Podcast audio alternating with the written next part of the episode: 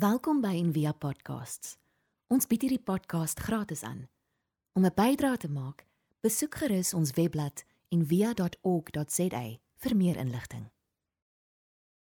Advent is die begin van die kerkjaar. So die die kerk wat my so cool is van as 'n kerk is dan ek so stappie of wat voor die res van die wêreld. So ons begin al reeds ons nuwe jaar terwyl die res van die wêreld eintlik nog besig is om klaar te maak. So in Advent, ek kan die week sit en probeer voorberei en dink daaroor is Advent is hier heavy, dis hier heavy paradoksale tyd mens wil al hê dit moet lekker lig wees en is lekker um, einde van die jaar soos op pad Kersfees toe en dit maklik wees en mooi en so. En maar as jy die tekste lees, so die kerk die universele kerk werk op 'n lectionary wat wat uitgewerkte tekste het wat al honderde jare lank wat mense gebruik elke Sondag met 'n preek en so. En as jy die tekste lees van Advent, is dit glad nie mooi en maklik nie. Dis sulke moeilike goed met heavy. Al die judgment tekste is in Advent. So daai van die Here gaan terugkom en hy gaan oordeel en daai maak jouself gereed, maak jouself gereed, jy moet reg wees. Dis dis al daai goeie. So Advent is hierdie paradoks, daar's hierdie spanning binne in dit. Ons wil al hê dit moet lig en laf wees, maar dit is nie, dis moeilik. En toe in die week toe ek nou sit in prep, toe dog ek is nou 'n goeie is nou 'n goeie kans vir my om 'n 'n paar kunststukke uit te haal en te wys as deel van Advent, is sommer net as deel van die boodskap. So hierdie is die eerste een. Ehm um, Guernica, dis nie die kunstenaar se naam nie. Guernica, so Guernica is Picasso het dit geverf in 1937. En dit is geverf wat eintlik interessant is, die Spaanse regering het hom commission om iets te verf vir die wêreldskou vir 'n soos 'n World Fair. En toe hy het begin aan iets anders en toe hy terwyl hy besig was aan die eindewerk, dis 'n massiewe huge groot werk. En terwyl hy besig was met dit, toe eh, toe bom die Nazi wat sê mens forces magte die die klein dorpie van Guernica en wat net civilians in was. En toe verf hy hierdie te verander hy die hele die hele ding en toe verf hy hierdie in opdrag van die Spaanse regering om uit te wys die die atrocities of war sienlik en hoe erg en hoe wreed en hoe verskriklik dit kan wees. En ehm um, daar's 'n paar stories wat saam met die painting gaan. En so byvoorbeeld Picasso het ook ek sê dink nou net binne die konteks is hier is die begin van die Tweede Wêreldoorlog toe hierdie werk gemaak is en gewys is. So dit is amper asof dit 'n profetiese werk was oor die volgende 8 jaar en goed wat gaan alles gaan gebeur.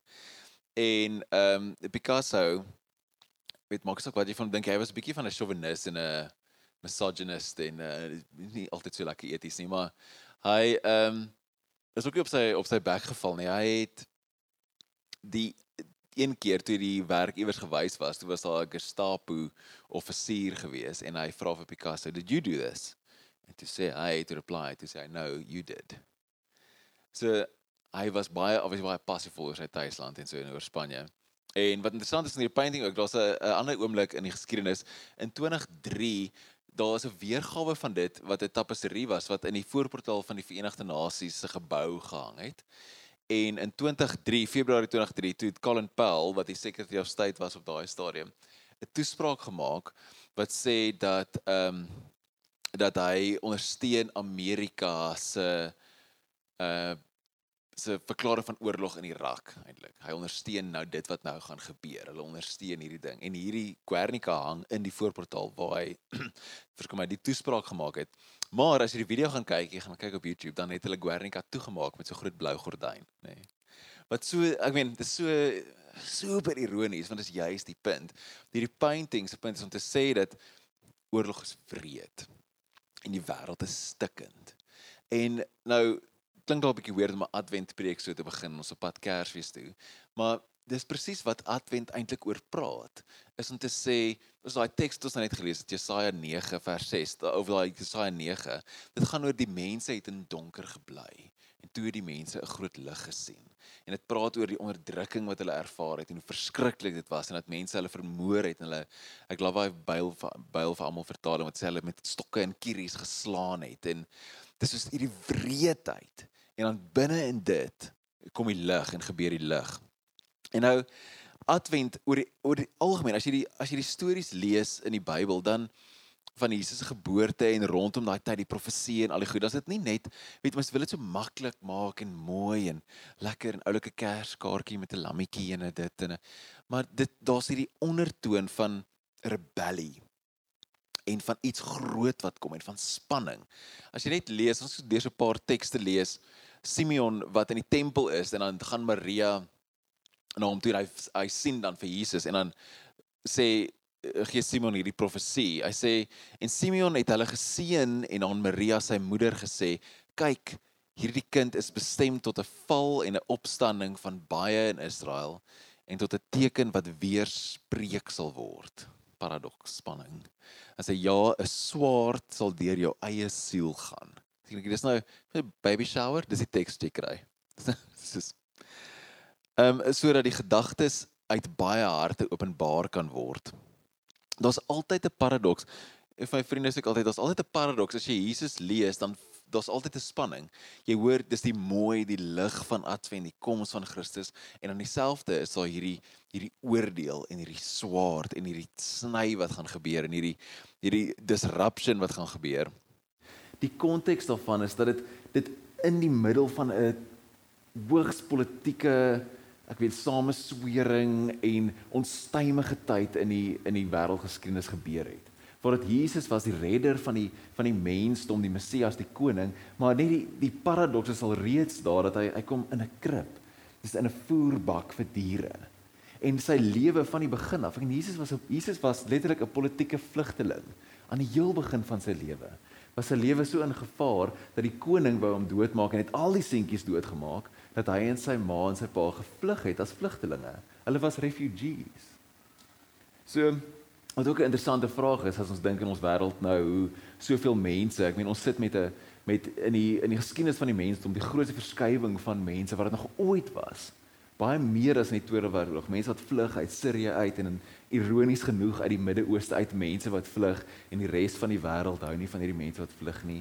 En dan dink jy maar nou praat ons in Advent oor eintlik iemand wat ook 'n vlugteling was. So daar's altyd hierdie paradoks met Jesus.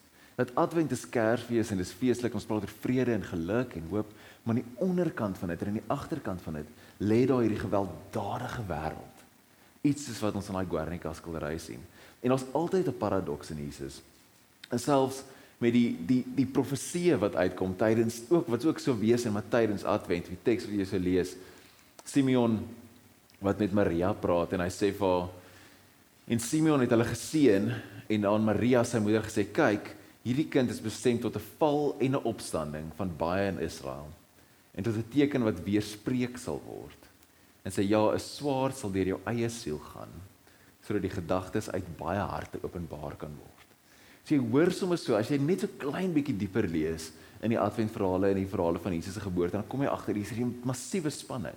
En dis presies wie Jesus is. 'n Vriend vir my sê altyd as jy nie die paradoks hoor nie, as jy nie die spanning hoor in Advent en in Jesus nie, dan hoor jy eintlik nie Jesus nie, dan is jy eintlik besig met iets anders. Nou net om meer daaroor te praat dat dat Jesus kom in hierdie donker tyd om lig te wees. So in hierdie donker, in hierdie politieke onstuimigheid kom Jesus om lig te wees en dis verskriklik disruptive in Engelse woord. So dit het my baie laat dink as ons ons gaan nou oor 2 weke gaan 'n paar van ons Israel toe en dan sal ons verby hierdie einste ding ry. Dis in in Bethlehem. En so as jy inry deur die deur die hekke, so as jy daar ingaan gewoonlik wat gebeur is jy sit nou in die bus en dan klim daar gewoonlik so laaitie op, nê, nee, wat so 18 jarige laaitie is met net so 'n masjien geweer of so 18 jarige dogtertjie met net so 'n masjien geweer en dan moet almal jou paspoorte uithaal en dan kyk hulle of jy daar mag ingaan. En dan gaan jy nou daar in en die hele Bethlehem is met 'n muur toegemaak om nou vrede te hou, 'n vredesmuur. En hierdie is Banksy wat dit geskilder het teen een van die mure. Daar's twee. Die ander een is is hierdie een wat ook baie bekend is. So en dis om te sê maar binne in hierdie binne in hierdie gewelddadigheid, binne in dit is nog steeds vrede. Of wat hoe sien ons vrede binne in 'n plek, die geboorteplek Bethlehem, die geboorte van die koning van vrede, is omring met hierdie muur en soldate en mense met gewere en hoë doringdraad. Hoe lyk vrede in dit? En dit hierdie is my so een van die beste beelde van wat advent eintlik is en waar dit eintlik gaan. Kyk Advent en Kersfees is nie nice nie. Soos 'n koppie tee is nice. Advent en Kersfees is nie nice nie. Advent is 'n diep erkenning van die donker wat in die wêreld is en 'n diep erkenning van dat daar vrede moet kom, dat goeders moet aan moet anders wees. Jesus was verskriklik verskriklik disruptief. Soveel so dat die mense hom doodgemaak het. Jy maak nie iemand wat nice is dood nie. Jy maak nie iemand wat nice is aan 'n kruis dood nie. So en selfs as ons as ons kyk na Maria net om nog nog meer uit te lig hoe radikaal hierdie eintlik is. Maria word baie keer uitgebeeld as of in ons gedagtes is sy op baie nice, nê? Nee, sy het so sy het so sagte velletjie en eh, sy kyk altyd so half skuins op en sy's oulik, nê? Nee? Maar sy is nie, sy is as ek wanneer ek Maria se woorde lees, is altyd vir my sy is soos hierdie vryheidsvegter. Die lied wat sy sing, Mary Maria se die Magnificat, die een deeltjie uit die lied uit sê magtige heersers het hy van hulle trone afgestamp en nederige mense belangrik gemaak. Honger mense het hy by 'n feesmaal laat aansit terwyl die rykes met leë hande moes wegstap, nê? Nee? So hoeveel guts moet dit van Maria vat om hierdie lied te sing? Dis soos as ons in ons eie land en ons eie konteks dink, dis soos 'n struggle lied. Dis die lied wat verbied word die hele tyd. Want jy sê jy mag nie daai ding sing nie. Dis daai tipe ding wat Maria doen. En dit alles draai rondom die geboorte van Jesus. Sê dat hierdie seun wat gebore word, hierdie seun wat aankom is, gaan alles onderste bo gooi. Gaan iets heeltemal anders doen. En dis wat ons na toe uitgenooi word in Advent. Is om verby die nice te gaan. So in die week terwyl ek nou so sit in Guernica soek, toe kry ek hierdie ene. Toe dink ek dis nou dis nou presies wat ons doen. Dis presies wat ons doen as mense met Kersfees en met Advent. Is ons maak dit nice. En dis nie wat dit is nie as jy so bymekaar sit. Dan sê die ehm um, ek lees NT Wright in die oomblik kan sê we must of course resist the pressure to turn Christmas into a celebration of private feelings and beliefs. En hy NT Wright gaan verder en hy sê ook ons groot uitdaging is dat die hele wêreld skei geloof en politiek. En hy sê die uitnodiging vir Advent is dit is dit word nie geskei nie, dit is dieselfde ding. Die goed vleg in mekaar.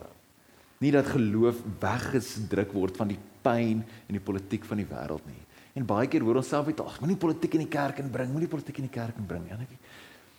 Die woord politiek beteken om te vorm, die dinge wat ons mee te doen het met ons dag tot dag lewe. En ek hoeveel meer relevant is Jesus en spiritualiteit nie in dit nie. En hoe is ons ons lewe leef nie. Nou wanneer ons praat oor vrede, kan ons nie praat nie nie praat oor die woord shalom nie. So shalom is die Hebreëse woord vir vrede Hier is die ehm um, die prentjie van die westelike muur. Shalom is die woord van vrede en dit beteken baie meer as net die dat daar nie oorlog is nie. Dit het 'n baie groter betekenis. Soos byvoorbeeld in wanneer Salomo die klem, die tempel klaar maak, dan sê dit hy bring shalom na die tempel toe. Hy voltooi dit. Hy maak dit klaar. Hy sit die laaste baksteen in plek. So jy kan amper dink as shalom as iets soos 'n muur met wat met 'n klomp bakstene gebou is. En wanneer al van die dele weg is, dan is daar nie shalom nie. Maar wanneer alles daar is en wanneer dit voltooi is, dan is daar shalom. Dis wanneer die verhouding herstel is, is daar shalom. Dis nie soos wanneer twee lande beklei of twee mense beklei en hou op beklei, dan is daar nie shalom nie. Wanneer hulle weer bymekaar is en die baksteen is alsweer teruggepak, dan is daar shalom. Martin Luther King het gesê true peace is not merely the absence of tension, but the presence of justice and brotherhood. Dis dit is nie net wanneer goed nice is nie. Dis wanneer daar werk gedoen is om goed weer bymekaar te voeg. Dis wat Shalom is. En in die wat my so beautiful is van die Nuwe Testament is dat in die Ou Testament het jy die woord Shalom en in die Nuwe Testament die Griekse woord is Irene of Irene. En dit beteken ook vrede, maar dit beteken meer as dit. Daar's 'n verantwoordelikheid vir jou om nie net vrede te hê en vrede te beleef nie, maar om dit te kan bring. Om die goeders wat nie reg is nie uitmekaar uit te haal en weer terug in mekaar sit en alles te voltooi. Daar's 'n aksie tot dit. En dis wat ons uitgenooi word. Daai is net daai daai teks wat ons gelees het in Jesaja. Ons lees ook altyd die mooiste deeltjie, nê? Die vredevors, koning van vrede en dis altyd baie nice. Maar ek het nou as prins en ek het ons die hele ding lees. Dat jy kan sien hoe bly mense is, hoe dat hulle dit hulle is so bly soos mense wat wat al die buit gevat het. Hulle is so bly soos toe Gideon die Midianiete verslaan het. Die daai teks sê regtig wanneer Gideon die Midianiete toe hy hulle doodgemaak het, toe was daar Shalom. Dan dink jy, wat? Wag, wag, wat? Dis 'n baie groter verstaan van vrede as wat ons in ons koppe het baie keer. Dat hierdie vrede is iets wat wat aksie aan dit het, wat disruptief is. Met ons uitnooi na 'n paar regtig regtig moeilike gesprekke en regtig regtig moeilike besluite. En as jy dan daai verstaan van Shalom insit, nie net as iets wat nice is nie, maar as iets wat werk aan het, wat jy moet voltooi, van die muur wat klaar gebou word. En jy lees dan daai Jesaja teks Dit sê die koning van Shalom. Hy sal 'n belangrike koning wees en daar sal altyd Shalom wees. Dit maak 'n heel ander prentjie oop. Die woord ook om verder te gaan in die Nuwe Testament, die woord vredemaker. Want jy daai Matteus teks en jy vinnig op, sê geseënd is die vredemakers, want hulle sal kinders van God genoem word. En ook daai einste woord was in die antieke tyd nie net iemand wat vrede maak tussen my en my skoonma of iets sit nie. Dis soos vrede maak tussen lande, tussen politieke partye. Dis 'n politieke term gewees wat Jesus gebruik het. Geseend is die vredemakers. Nie geseend almal wat nice is by die kantoor nie. Geseend is die mense wat die politieke konflik oplos en dit herstel. Dis die woord. Dis wat hy sê. Maar ons is nog weer geneig om te sê nee nee nee, Ons kan nie daai kerk daai kant en ons spiritualiteit daai kant als mooi privaat in 'n boksie. Dis wat ons doen. Maar dis nie wat Advent ons na toe uitnooi nie. Dis nie wat Jesus ons na toe uitnooi nie. Ek dink ou Martin Luther King ek kwait hom deesdae baie. Ek lees nogal baie van sy goed. Hy sê our lives begin to end the day we become silent about the things that matter. En hoeveel meer is dit nie vir ons uitnodiging in hierdie tyd nie? En ek dink om vrede te maak is baie meer as om net jammer te sê.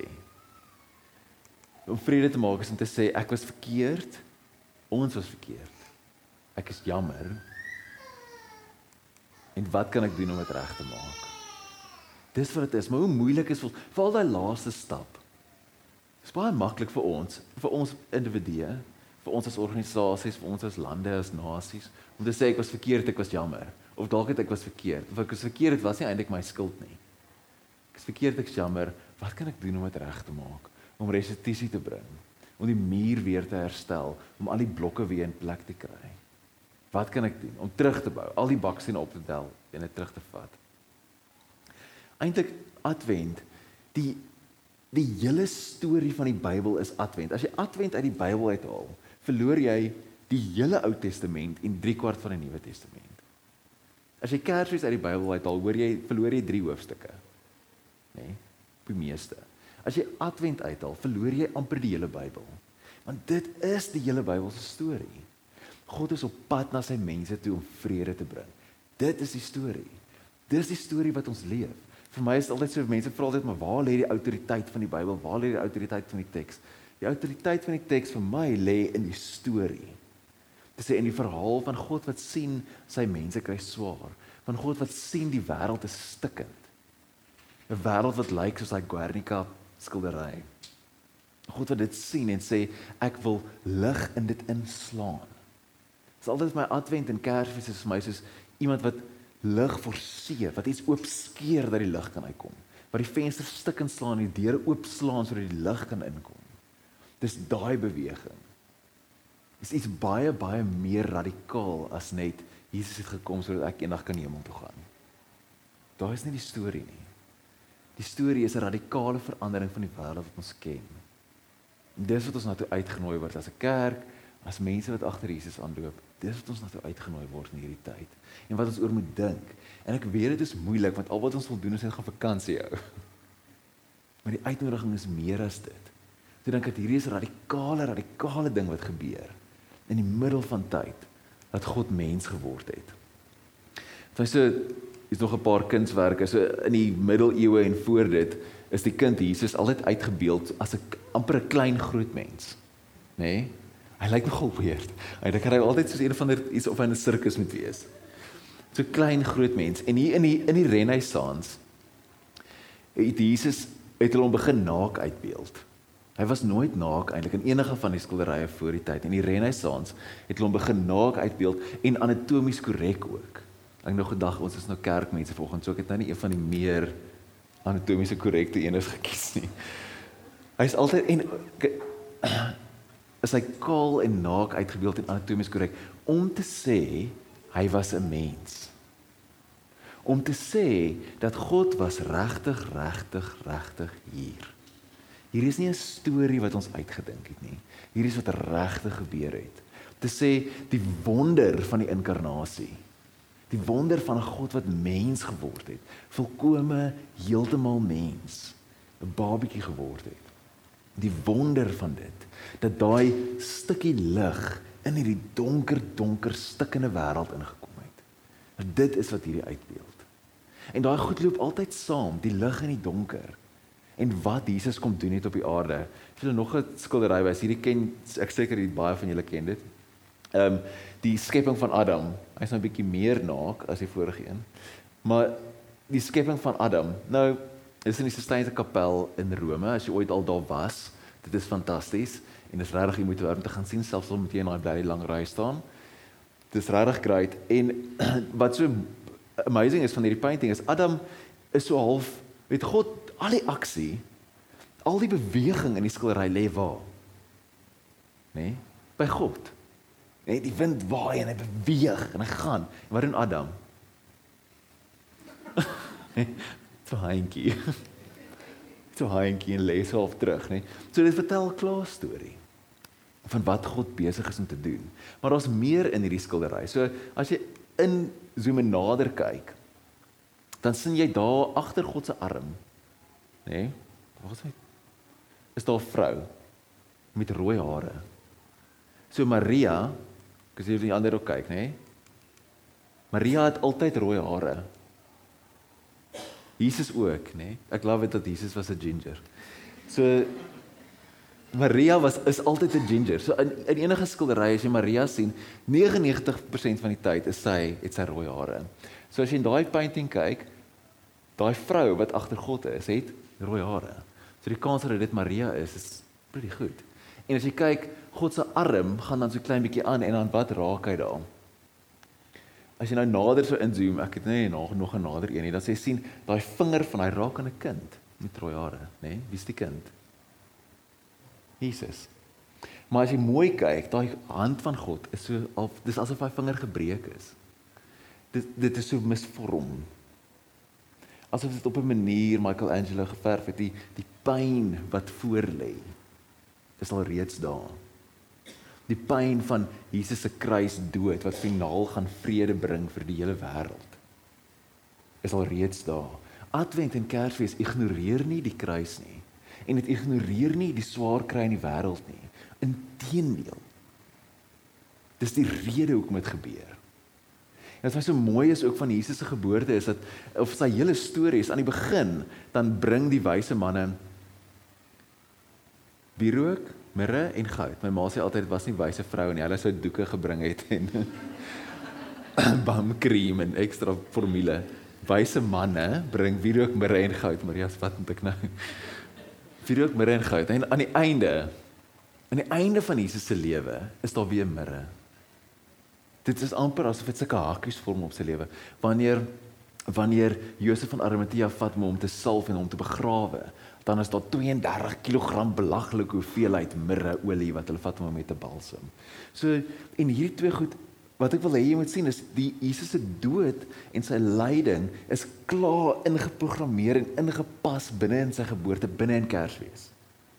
So wanneer ons kyk na Kersfees, kyk ons nie na Kersfees nie. Ons kyk deur Kersfees tot by Paasfees. Dis wat die kerk doen hierdie tyd. As jy die kerk se tekste gaan lees, wat ons nou vir eeue lank lees op Sondag tydens Advent, dan is daar altyd daar's profeseë in. Daar's oordeelstekste in van die wat moet kies, want Advent forceer jou om 'n keuse te maak. Hier is die koning van vrede is hier. Waar gaan waar staan jy? Agter wat gaan jy aangaan? En daai pad van die koning van vrede lei tot by die kruis. Want dit is die enigste manier om vrede te bring. En daai is wat Advent ons na toe uitnooi. So ek wil vir ons afsluit met so 'n laaste storie oor Picasso. Hier staan hy voor voor Guernica af toe hulle besig was om dit te maak. En toe hy 'n kind was, hy het self hierdie storie vertel. Toe hy 'n kind was, baie baie klein was, het daar 'n groot vuur uitgebreek in die dorp en die stad waar hy gebly het. En dit was absolute chaos. En mense het rondgehardloop in die nag en dit was de mekaar en geskree en energie oral. En hy onthou dit en wat hy ook onthou is dat sy pa het hom opgetel en sy pa het hom vasgebind aan sy eie lyf. Dat hy self van 'n harnas. Kom ons dra doen dit ook mos of jy bind jou kinders so vas in jou lyf so met hulle rondloop. En sy pa het dit met hom gedoen en hy onthou dit. Dat hy onthou al hierdie energie en al hierdie chaos en hierdie verwoesting wat hy gesien het. En wat hy kan onthou is hy was veilig vas in sy pa. En kunstkritikuste oor die oor die dekades heen het gesê dit is 'n baie opvallende kenmerk van Picasso se werk is dat hy hy skilder uit 'n plek van van van kalmte uit en van objektiviteit uit. Dat hy hy staan op 'n veilige plek en daarom kan hy hierdie goeie skilder en weergee. En eintlik toe ek dit lees, ek hel, dis ons storie. Dis presies ons storie.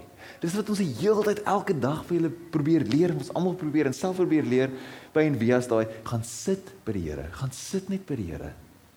Gaan sit in stilte.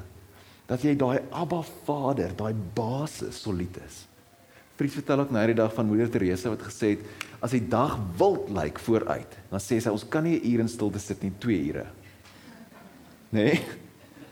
Dis daai ding gaan nie weg nie, hy word meer. Om te sit en vas te wees aan daai harnas in jou pa se bors. En dan te gaan ingaan en dan te gaan werk. Dis wat ons na toe uitgenooi word. Daar's 'n 'n begeleide gebed. Wat die deel van die woorde is om te sê jy bid aan die begin dan sê jy mag ek gelukkig wees, mag ek gesond wees, mag ek in vrede met hoofletter leef. En dan soos die gebed aangaan, aan die volgende deel dan bid jy dan sê jy mag jy gelukkig wees. Mag jy gesond wees. Mag jy in vrede leef. En jy doen dit amper meditatief en jy sit eers en sê mag ek gelukkig wees. Wat ek nou. Mag ek gelukkig wees, mag ek gesond wees, mag ek in vrede leef. En dan na ruk iets sê jy dit vir iemand anders, iemand wat jy van hou. Né? Nee? En dan die laaste deel van die gebed, dan sê jy dit vir iemand wat jy nie van hou nie om jouself te leer om lief te hê. Maar die, die mooi van daai gedig is, dit begin uit 'n plek van veiligheid uit. En dis waar ons almal begin. En dit is die uitnodiging van Advent. Dit sê moet staan in hierdie plek saam met jou Vader, naby aan hom, naby aan sy bors, waar hy sy hartklop kan hoor en kyk dan na die wêreld. Nie om die wêreld te ontken nie. Nie om die wêreld te ignoreer nie. Nie om die pyn en die swaarkry te ignoreer nie. Ons vlug nie weg van dit af nie. Ons kom net vanuit 'n plek van vrede. Ek dink dis ons uitnodiging vir Advent. Kom ons bid saam.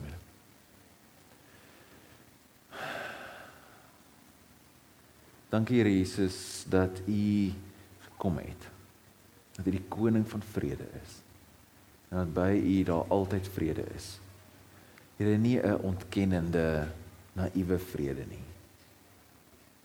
'n vrede wat erken dat die wêreld wêreld dat die wêreld diep vrede nodig het. Dat die wêreld 'n stikkende plek is.